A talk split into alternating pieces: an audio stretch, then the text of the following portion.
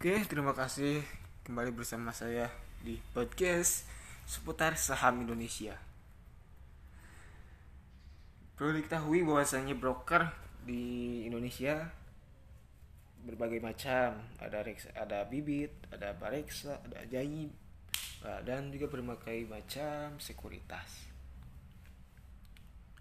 Langkah pertama dalam kita berinvestasi itu adalah kita itu harus menentukan dulu goalnya goal dari investasi kita tersebut tujuannya.